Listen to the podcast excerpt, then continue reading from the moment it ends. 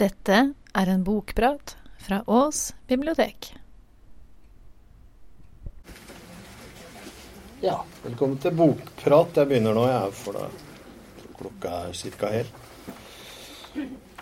Ja, jeg skal prate om en forfatter som heter Vidar Sundstøl, og en bok som heter 'Hullet han krøp ut av'.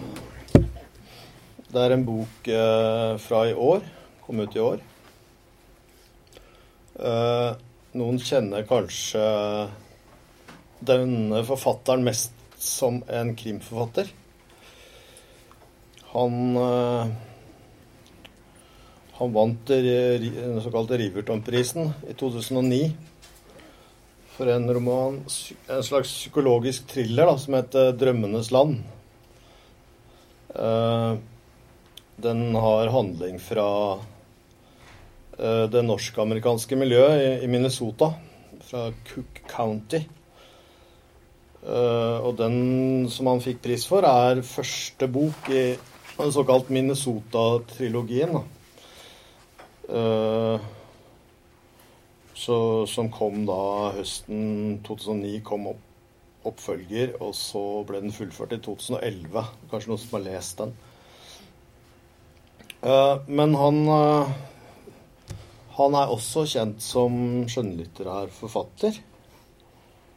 han er fra Drangedal og, og bor i Bø i, i Telemark. I hvert fall ja, for et år siden. Så ja. Men uh, ja, som sagt, jeg uh, skal ikke si noe mer om han, men dagens bok, 'Hullet han krøp ut av', uh, som sagt fra 2019 Si litt om den først. hovedpersonen i boka, han har ikke noe 'Hullet han krøp ut av', heter den.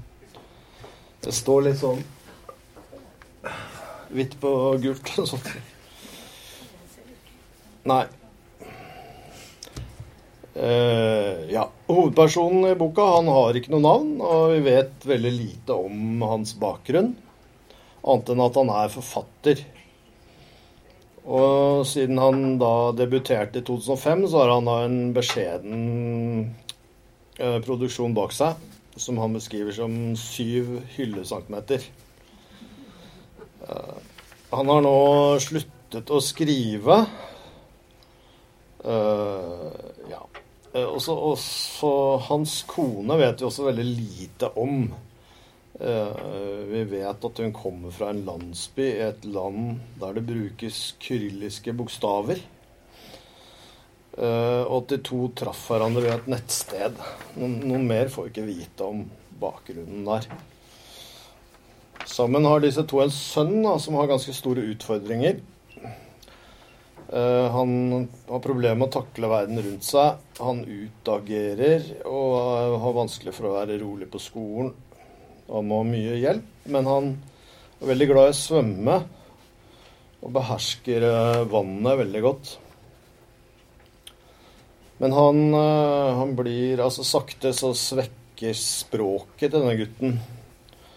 Og da kommer også hjelp, hjelpeapparatet inn. Eh, og gjerne ta over Ikke ta, ta han ut, men hjelpe han. Dette ekteparet sliter også. Og også der er hjelpeapparatet til stede.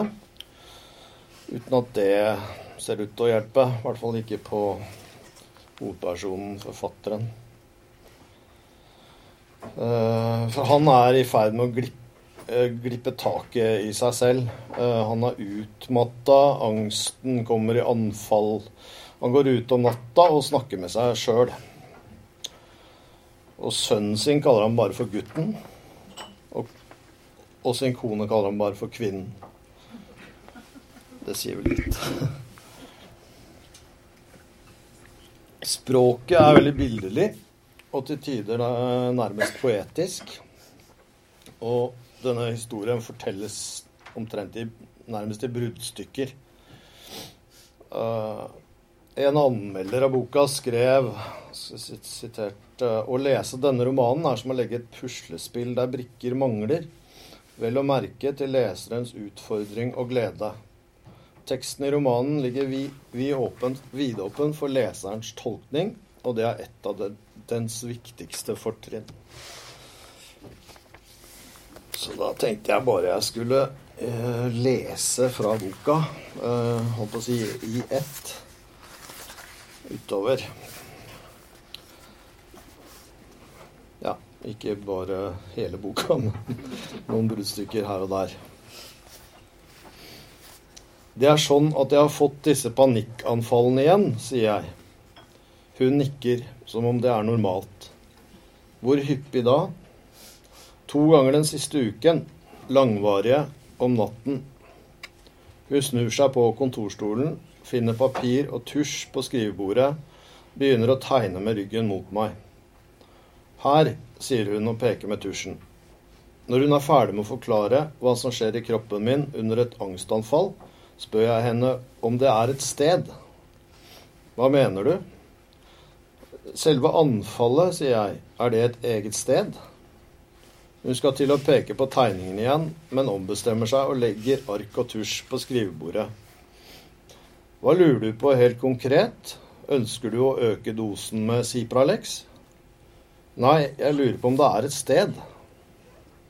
Fastlegen justerer en mekanisme i smilet. Du er forfatter, sier hun så. Du har din måte å Nei, det handler ikke om det, avbryter jeg. Lukket inne i et trangt rom med en løve. Når du løper for livet, løper rommet med løven sammen med deg. Det er ingen mulighet å unnslippe. Nå lurer jeg på om dette kan kalles et sted? At det altså er mer enn bare disse kjemiske impulsene i hjernen som du snakker om? Er det et sted? kan det i prinsippet kartlegges og beskrives. En topografi, nærmest. Utenfor vinduet er det en hage med snø og nakne epletrær. Hvalen som siger langsomt frem, med buken nesten nedi trærne, er livet mitt. Det store øyet som stirrer inn til oss, har en bønn i seg om at jeg skal ordne opp. Jeg som er vår utsending for landjorden.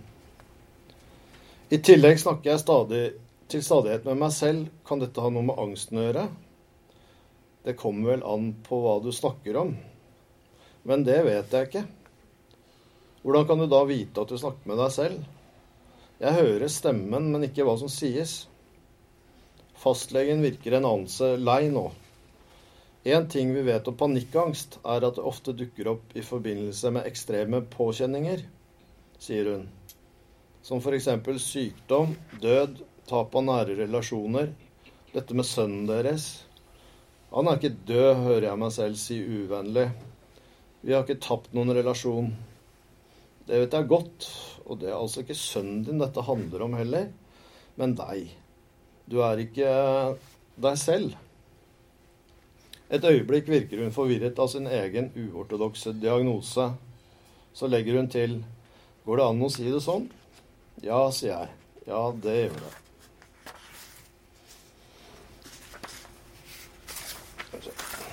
På bordet en bibel med kyrilliske bokstaver i gull på omslaget. Et rødt lys forflytter seg over tangentene på det elektroniske lekepianoet i et mønster som antyder en melodi. Lot jeg fingrene følge lyset, ville musikken blitt hørbar.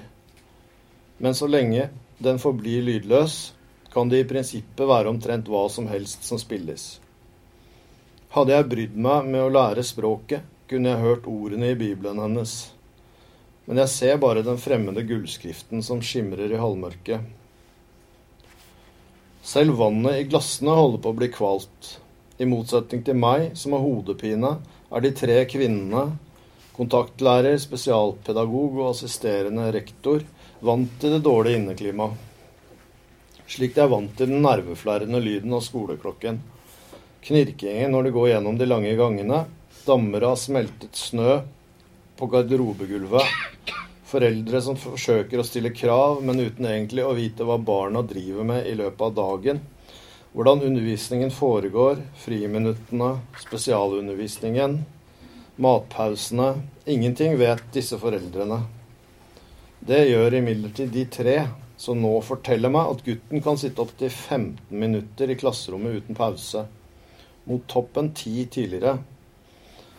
Når jeg opplyser at han allerede i bilen på vei hjem bryter sammen, og at resten av dagen leves i en hammervind av utagering, ja, jeg bruker ordet hammervind, noe vi mener kan unngås hvis de skjermer han litt mer, blir jeg avbrutt av assisterende rektor, som påpeker at jeg ikke har rakt opp hånden.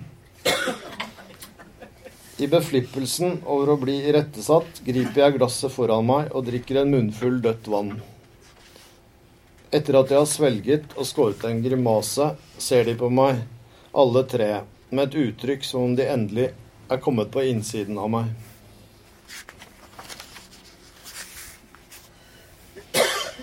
Kvinnen skyver vekk en haug med klær og sakspapirer og setter seg ved siden av meg i sofaen.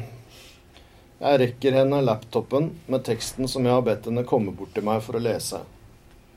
En kort beskrivelse av en middelalderlegende om Adam og hans første kone Lilith, som levde sammen i Edens hage før Eva i det hele tatt var skapt. De hadde en rekke barn, som teksten gir inntrykk av nærmest gikk for lut og kaldt vann. I hvert fall var det skitne og uflidde en dag Adam og Lilith hørte Gud komme gående med tunge skritt. Umulig å få vasket alle i tide, bare noen få rakk å klargjøres før eh, møtet med Vår Herre. Resten ble forsøkt gjemt inne mellom trærne i hagen. Imidlertid lot ikke den allmektige seg lure så lett. Han ble vred og sa, så la det som er skjult, forbli skjult. Etterpå var det ikke mulig for Adam og Lilly å finne igjen de gjemte barna som var blitt usynlige. Uten et ord rekker hun meg laptopen igjen, går ut på kjøkkenet, starter viften over komfyren. Samlivsterapeuten mangler den venstre øreflippen, noe som blir ekstra påfallende fordi han for det meste sitter med hodet bikket mot høyre, som om det er umulig å motvirke den lille vektforskjellen. Nå lener han seg frem i stolen. Likegyldig, sier han og lar det henge litt mens han ser på meg. Hva tenker du når du hører det? I øyekroken registrerer jeg at kvinnen har blikket rettet mot vinduet av parkeringsplassen. Det har begynt å snø igjen. Jeg vil så gjerne svare, men greier ikke å kjenne om jeg er likegyldig eller ikke. Må ta meg sammen for ikke å stirre på øret, den taggete, halvmånefarvede, Formet av kuttlinjen ligner spor etter tenner. Redaktøren ringer og sier han lurer på hvordan ting ligger an, om jeg skriver. Det er lenge siden de har hørt fra meg. Det gjør jeg jo alltid, svarer jeg. Noe du kan tenke deg å snakke om? Jeg har tenkt litt på Alexandra i det siste. Hm, så du føler ikke at det er oppbrukt? Jeg hører på han at de egentlig har gitt meg opp. Denne samtalen tar han bare for å forsikre seg om at det ikke er mer å hente. Men jeg har ikke sagt at jeg skriver, bare at jeg har tenkt i det siste. Nei, du sa at du alltid skriver. Det må ha vært av gammel vane. Jeg har ikke skrevet på lang tid. Vet du hvorfor? Likegyldighet, kanskje? Hmm. Han lurer tydeligvis på hvordan han skal få avsluttet samtalen. Vil det si at vi ikke kan regne med at du Ja, det vil det. Stillheten som følger, blir ikke mye lenger enn jeg Nei, blir mye lenger enn jeg er forberedt på. Jeg husker at den iblant virket som om han likte meg. Et klapp på skulderen, en øl på byen, i et annet liv. Er du sikker på dette? Jeg liker å sitte oppe om natten, sier jeg. Det er det hele. Kontorstolen virker altfor stor, som noe fra kommandobroen på et TV-romskip. Vanskelig å huske hva som var det siste jeg prøvde å få til i dette rommet. Men notatboken på skrivebordet gir muligens en pekepinn. Den er gammel, fra året i Alexandria. Jeg prøver å tyde håndskriften uten særlig hell. Et sted syns jeg riktignok at det står 'forvandlingens mørke frukt', eller kanskje frykt, men det sier meg ingenting. Flere steder har pennen brutt gjennom papiret.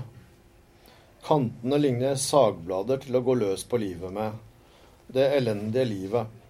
netter med ølfluesvermer over kjøkkenbenken, kvinnen han aldri fikk, uansett hvor han befant seg, fordi avstanden til alt rundt ham også inkluderte dem.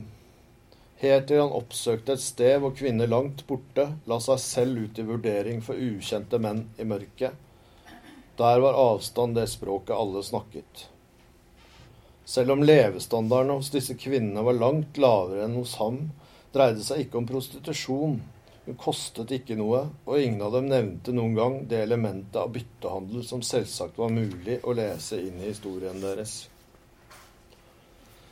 Det knirker i en gulvplanke. Gutten står i døråpningen, iført pysjamas. Ansiktet nesten gjengrodd av søvn.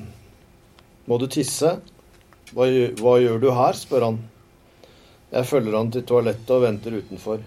Lyden av urinen som plasker ned klosettskålen, fyller den nattstille gangen. Så kommer han sjanglende ut. Hva gjør du her? gjentar han på vei inn til rommet sitt igjen.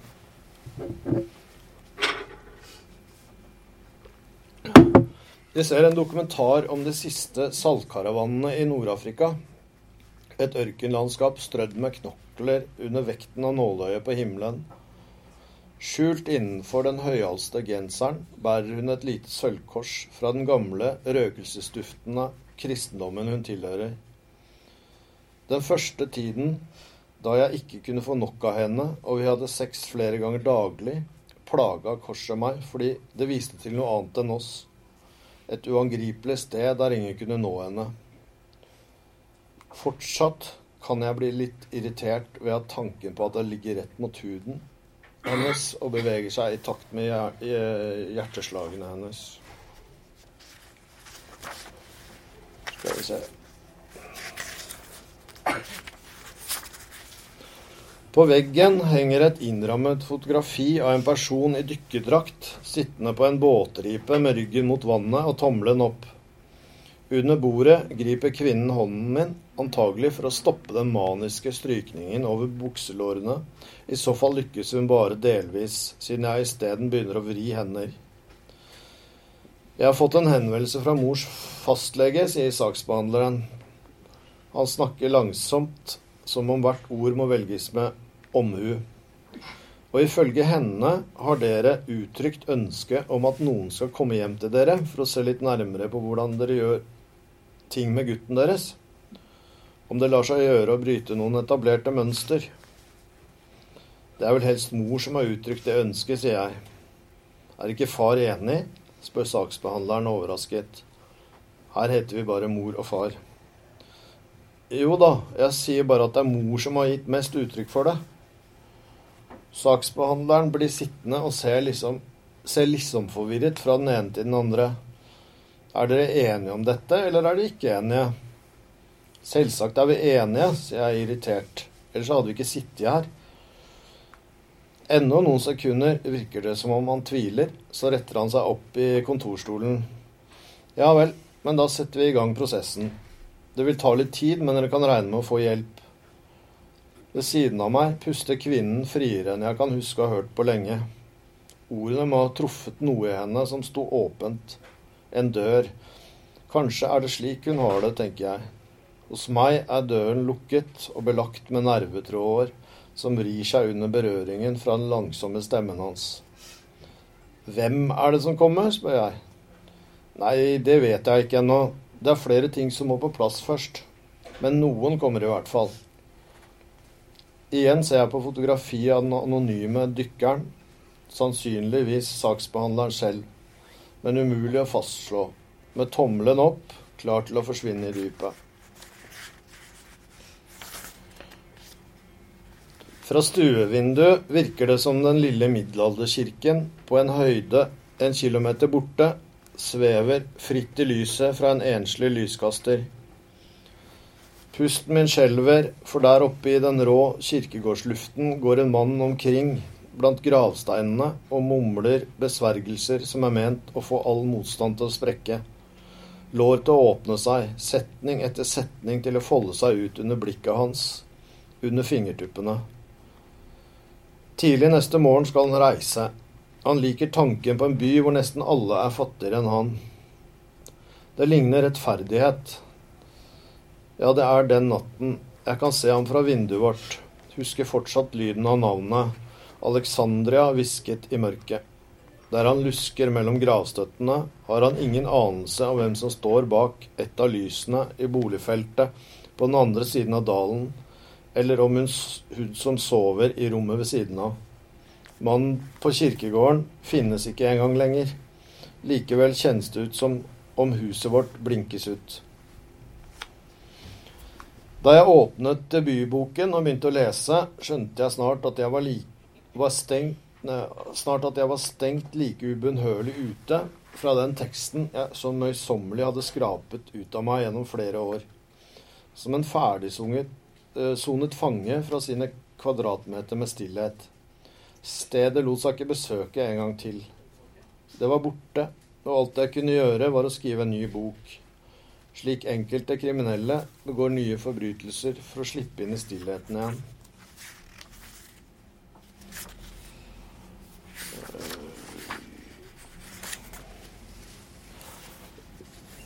Skal vi se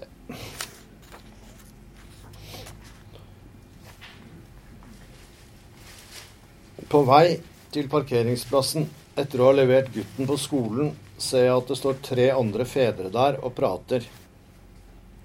Faktisk står de foran bilen min, som om de har tenkt å stenge meg inne. I deres øyne kommer jeg antagelig snikende i en bue fra motsatt kant, i håp om å kunne smette inn i bilen usett. Mens de tre er treningskledde, slik ser det i hvert fall ut for meg, og tydelig rastløse, som om de har lyst til å styrte av sted, hoppe over hekker og husker og forsvinne i skogen, lette som rådyr, er jeg iført min etter hvert nokså sjaskete vinterfrakk. Og det er ikke til å komme utenom at jeg skiller meg ut. De hilser avmålt, slik de andre fedrene alltid gjør når de møter meg. Selv prøver jeg å være litt åpnere og mer inkluderende når jeg hilser tilbake. Det stive smilet skyldes bare kulden. De tre har sikkert sagt ha det til barna sine, som går i samme klasse som gutten. Og så har de blitt stående og prate etterpå. Uansett hva det var de snakket om, er det slutt på samtalen. Antagelig venter de på at jeg skal si noe, siden jeg tross alt har stoppet. Eller ser de meg allerede sitte bak frontruten, klart å komme meg unna etter å ha sneket meg inn bak dem. Jeg starter bilen, la vindusviskerne feie bort snøen som har rukket å legge seg på ruten mens jeg var inne og leverte gutten. De står der fortsatt, som om de ikke har tenkt å la meg slippe ut fra parkeringen. Når jeg senker vinduet for å be dem flytte seg, er de tre rastløse enkeltkroppene omgjort til en, bastant gruppe. En av dem sender meg et kort blikk før han sier noe til de andre. Nå ser alle tre på meg. Jeg sitter med vinduet åpent, prøver å komme på noe å si som ikke vil få meg til å fremstå som svak.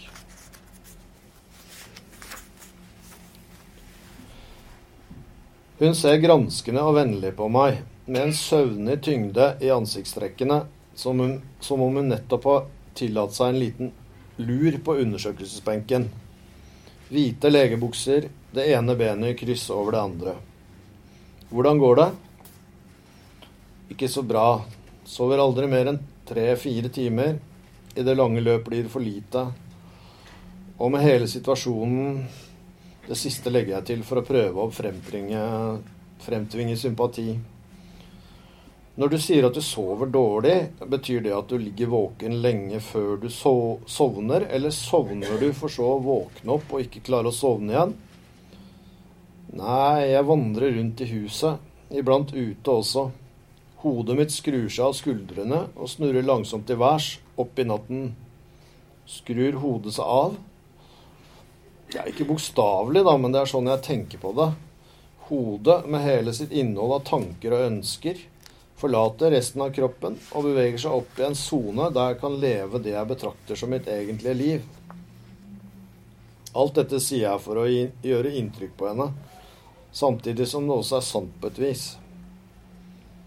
Det høres nesten ut som disse våketimene er noe du trenger. Alle mennesker har jo behov for en viss mengde egentid, Men i din livssituasjon er det kanskje ikke så lett å få til. Riktignok er, er jeg alene i huset om dagen, sier jeg. Men da jobber jeg jo. Så det er ikke slik at hodet skrur seg av skuldrene når du skriver, altså. Hun sier det med et smil, men jeg syns likevel å ane en ekte nysgjerrighet hos henne. Nei, da trenger jeg det. Men om natten kan jeg la det stige som en drone.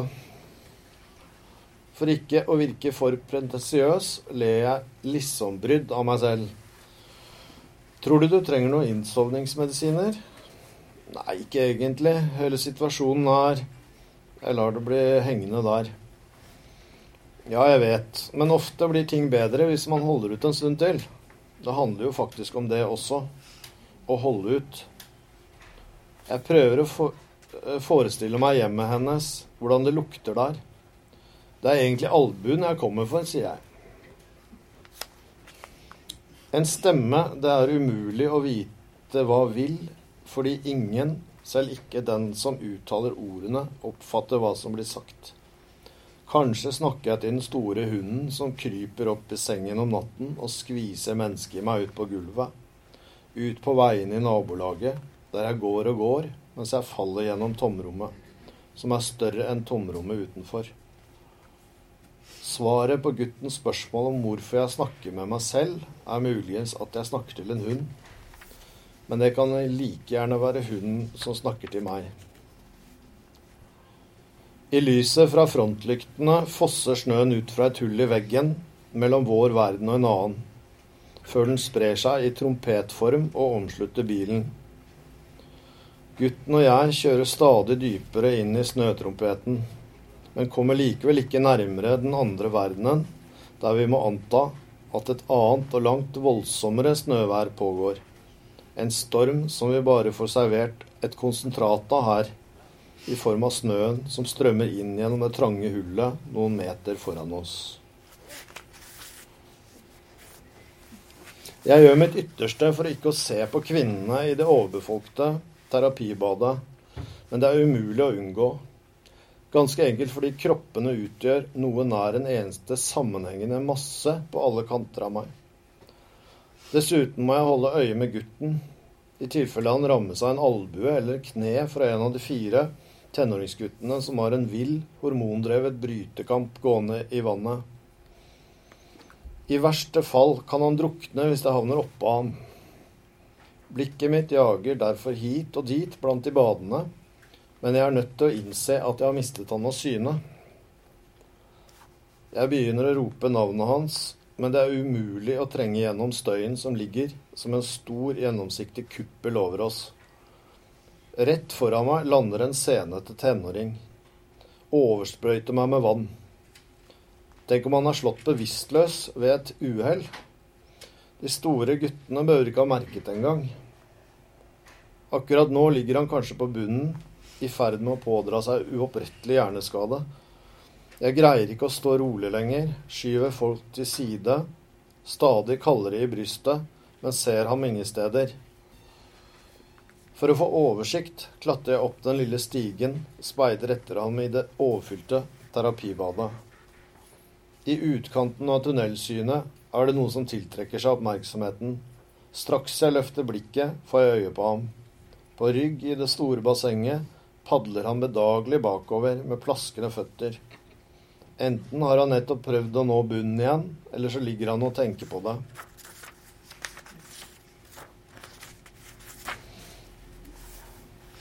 Jeg har begynt å rydde Skal vi se Nå er det et eller annet ja. Jeg har begynt å rydde i sofaen, sortere plagg, leker, kosedyr. Kvinnen har funnet frem støvsugeren Rundt oss beveger gutten seg i avbrutte piruetter, mens han med korte mellomrom ber oss gjenta hvorfor noen kommer hit i dag. Det er en som skal hjelpe oss med å få det litt bedre sammen, sier kvinnen. Har vi det ikke bra? Jo da. Hun bøyer seg og stikker støpselet i kontakten. Men kanskje vi kan få det enda bedre? Enda bedre, sier han vantro. Han har klatret opp på sofaryggen og lagt seg der for noen sekunder. Nå ruller han ned i sofaen, slår hodet på en traktor og begynner å gråte. Kvinnen setter seg og holder rundt ham. Jeg hadde akkurat begynt, og hun ser anklagende på meg. Kan du ikke rydde gulvet, da? Men gråten hans hengende over meg, med gråten hans hengende over meg som en flyalarm, kryper jeg rundt på alle fire. Samler sammen ting fra hele gulvet, legger det en haug midt i rommet. Et halvt påskeegg, en koffert, en gummihammer, en drage, en tøytiger, en eske med pa papirdukker osv. Hvem er det som kommer, hikster gutten i bakgrunnen. En som skal hjelpe oss, sier kvinnen. Trenger vi hjelp? Alle trenger hjelp en gang iblant. To høyttalere, lekepiano, bank-ID, solbriller, en tom lynlåspose, leketeleskop, narrebæsj, en nøkkel, et termometer vi trodde var borte for godt, en pil med sugekopp, en altfor lang kvittering fra Rema 1000, en barnebok, en hvit plastgaffel. De kommer ikke likevel, sier hun med flat stemme som om hun ikke gidder å føle lenger. Der de sitter i sofaen, hun med armene rundt gutten, han halvveis liggende over fanget hennes, ligner de en pieta. Kommer ikke, sier jeg, men saksbehandleren sa jo hun som skulle komme, har gått ut i mammapermisjon, og vikaren er ikke kvalifisert for akkurat Hun ser seg rundt dette. Jeg legger meg ned i haugen av ting og medfølgende støvdotter. Kjenner kroppen puste uvitende som en gran i skogen, mens gutten spør. Kommer det ingen?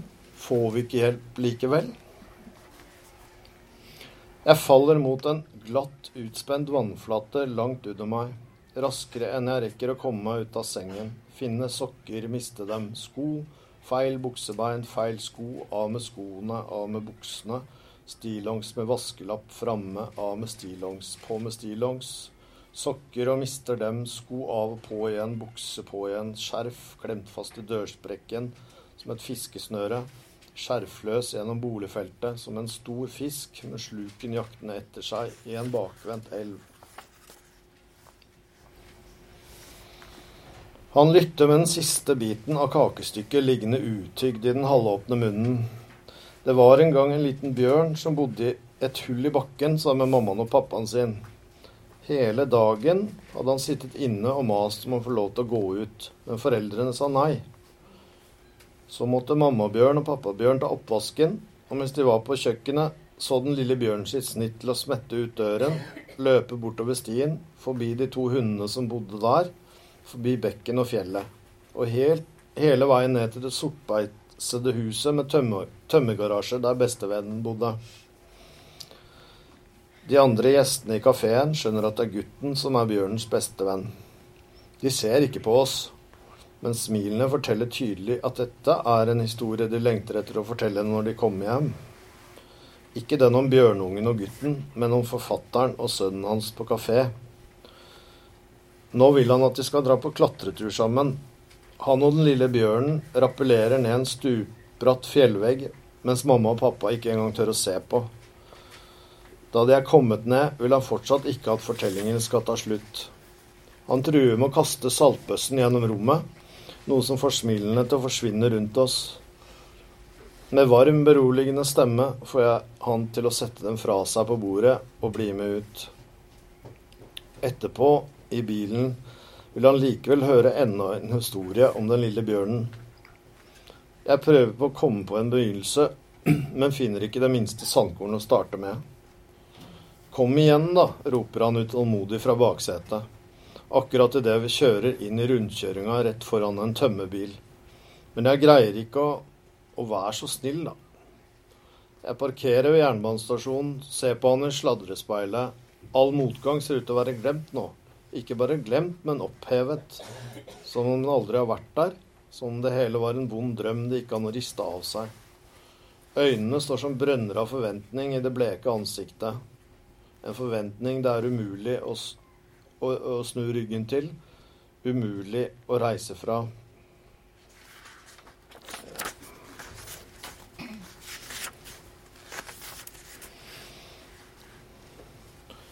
Etter at de fjernet den betjente luken, er det umulig å få selv en minste antydning om hvor lang tid som gjenstår å vente. Legene får man jo ikke tak i. De befinner seg på sine respektive kontorer innenfor den døren vi alle håper snart skal åpnes. Forresten fjernet ikke luken, bare damen som satt der. Luken står igjen etter henne, som en munn uten stemme. Endelig sto legen i døråpningen. Jeg reiser meg og følger etter henne til kontoret, som ligger innerst i korridoren. Så, sier hun og setter seg til rette i kontorstolen. Hvordan går det? Jo, takk litt bedre, glipper det ut av meg. Hun hever øyebrynene overrasket. Ser man det? Ja, jeg vet ikke. Litt mindre vondt, kanskje. Hvor da? I magen? Å ja. Hun venter åpenbart på at jeg skal fortelle henne hvorfor jeg er her, hva som feiler meg. Jeg hadde selvsagt tenkt å gjøre det da jeg dro hit, men nå husker jeg det ikke lenger. Jeg husker ikke. Hva da? Hvordan det begynte?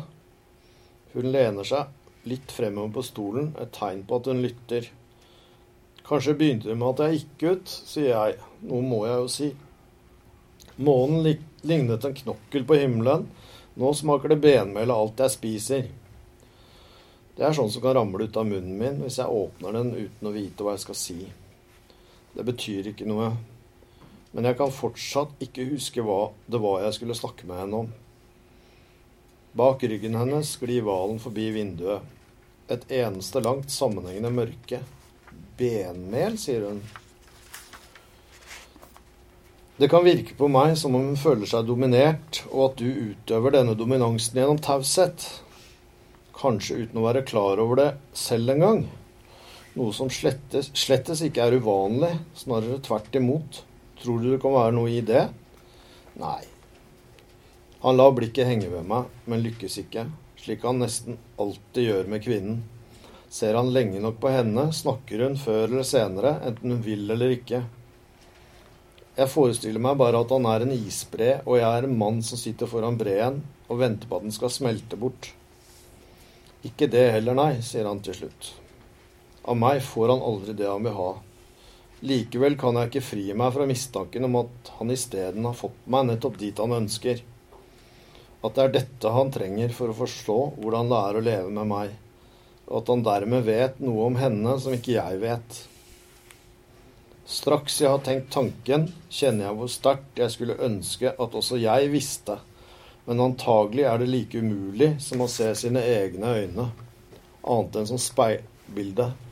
På et hotellrom i Alexandria står en mann og ser ut gjennom vinduet, mens han forestiller seg et hus et helt annet sted i verden. Der en annen på lignende vis står og ser ut. Kanskje den andre forstår hva kvinnen trenger. Hun sukker oppgitt, antagelig fordi jeg ikke sier noe. Der ser du, sier hun. Men jeg er usikker på hvem av oss det er hun snakker til. Er det sant at Gud hører tankene våre? Nei da. Tror du ikke på Gud? Nei. Det gjør mamma. Jeg vet det. Men ikke du? Nei. Hva tror du på, da? Ikke på noe. Ikke på historien du skriver engang. Jo, de hender det at jeg tror på. Skal du skrive om meg? Nei, det skal jeg ikke. Tror du ikke at jeg fins heller? Som lysfugler bevrer refleksene fra vannet langs vegger og tak. Gutten vinker til badevakten, som vinker tilbake.